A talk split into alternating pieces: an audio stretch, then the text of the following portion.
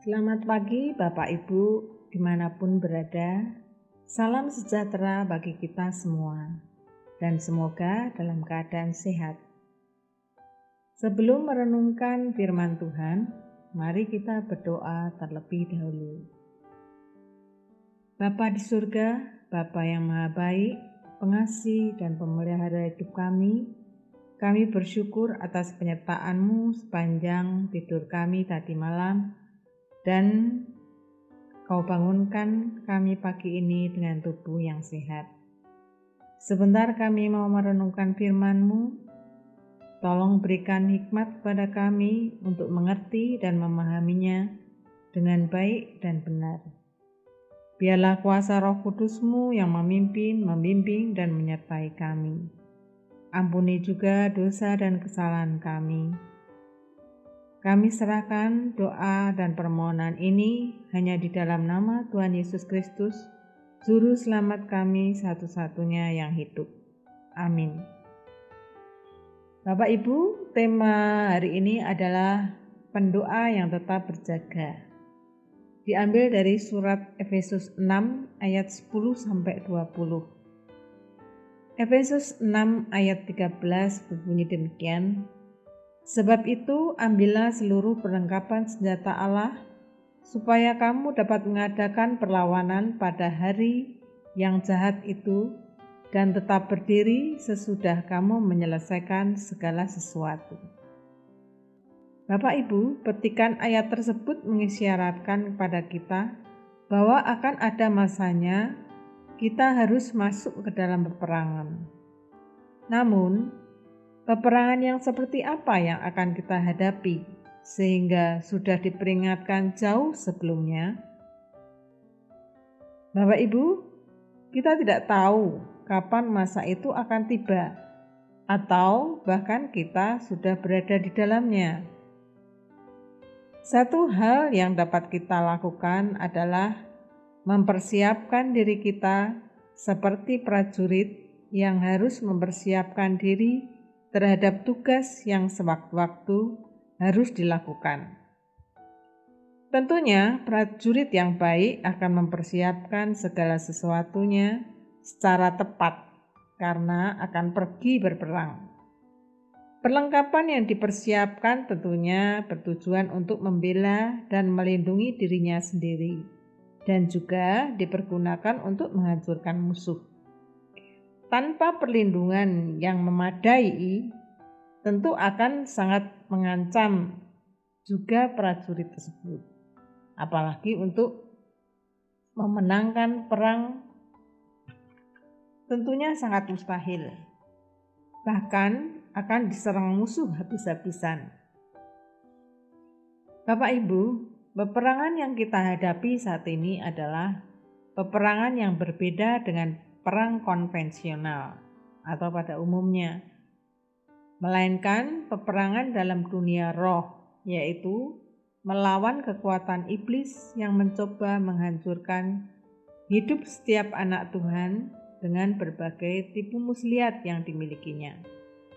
Efesus 6 ayat 12 karena perjuangan kita bukanlah melawan darah dan daging, tetapi melawan pemerintah-pemerintah, melawan penguasa-penguasa, melawan penghulu-penghulu dunia yang gelap ini, melawan roh-roh jahat di udara.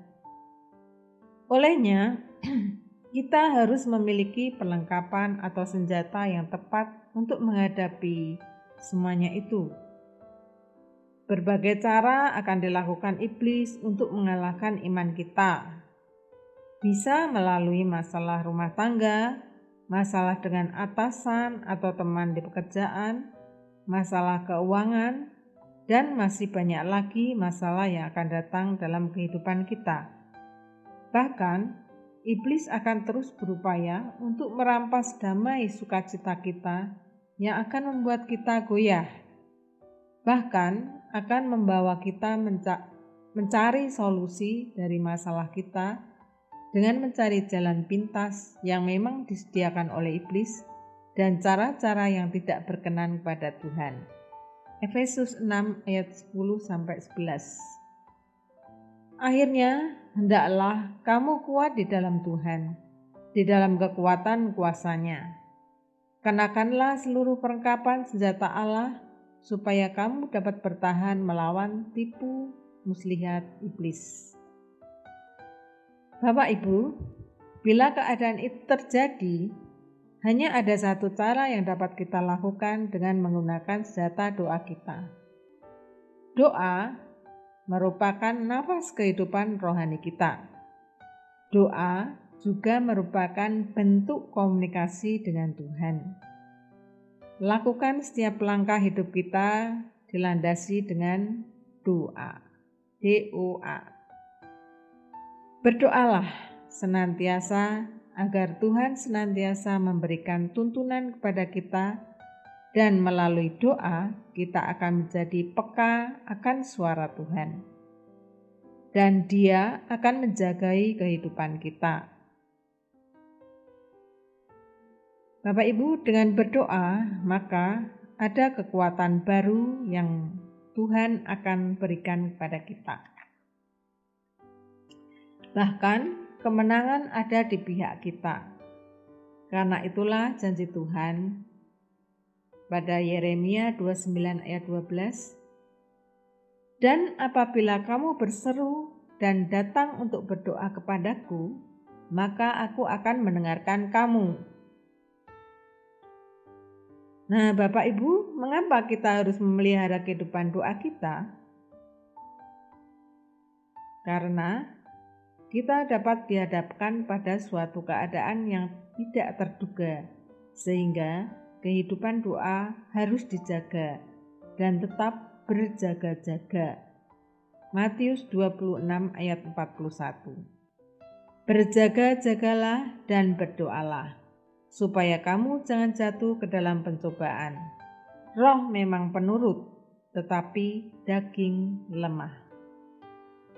Demikian firman Tuhan pagi ini, kiranya menjadi berkat bagi Bapak Ibu. Amin. Bapak, Ibu, saudara-saudari yang terkasih dalam Tuhan Yesus Kristus, mari kita bersatu dalam doa syafaat hari ini. Bapak yang baik, kami berterima kasih dan mengucap syukur atas persekutuan yang terjadi pada hari ini kami boleh mendengarkan firman-Mu, merenungkannya, dan diajak untuk menghidupi firman itu dalam keseharian kami. Saat ini, perkenankan kami untuk berdoa bagi gereja Tuhan di dunia ini. Kami ingin berdoa bagi tubuh Kristus di dunia ini. Di mana pun gereja berada, kiranya Tuhan yang hadir dan memimpin gereja sehingga setiap persekutuan yang ada benar-benar berkumpul untuk memuji memuliakan namamu saja. Kami memohon supaya keberadaan gereja dapat membawa perubahan bagi dunia dengan berlandaskan kasih-Mu. Tuhan kiranya menolong banyak gereja yang masih bergumul dalam hal penerimaan masyarakat, pergumulan pengerja atau aktivisnya, maupun pergumulan masing-masing umat. Secara khusus kami berdoa bagi gereja kami, GKI secara sinodal maupun GKI Beringin sebagai jemaat di mana kami bertumbuh. Kami memohon kiranya Tuhan dapat memakai GKI menjadi saluran berkat bagi masyarakat sekitar dan bangsa Indonesia terutama di masa pandemi ini. Tumbuhkanlah semangat dalam pelayanan kami sebagai gereja Tuhan.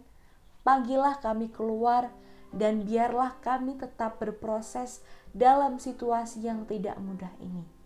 Sehingga kami pun berdaya dan berdampak bagi ciptaanmu. Kami juga ingin berdoa bagi GKI Beringin. Kiranya Tuhan berkenan terhadap pelayanan yang dilaksanakan, baik oleh pengerja maupun aktivis Kiranya regenerasi di dalam gereja kami pun bisa berjalan dengan baik, sehingga setiap orang dapat melakukan tugas panggilannya sebagai umat Kristen. Kami menyerahkan diri kami sebagai satu tubuh Kristus dalam pengasihanmu saja. Dalam nama Yesus Kristus, Sang Kepala Gereja, kami berdoa. Amin.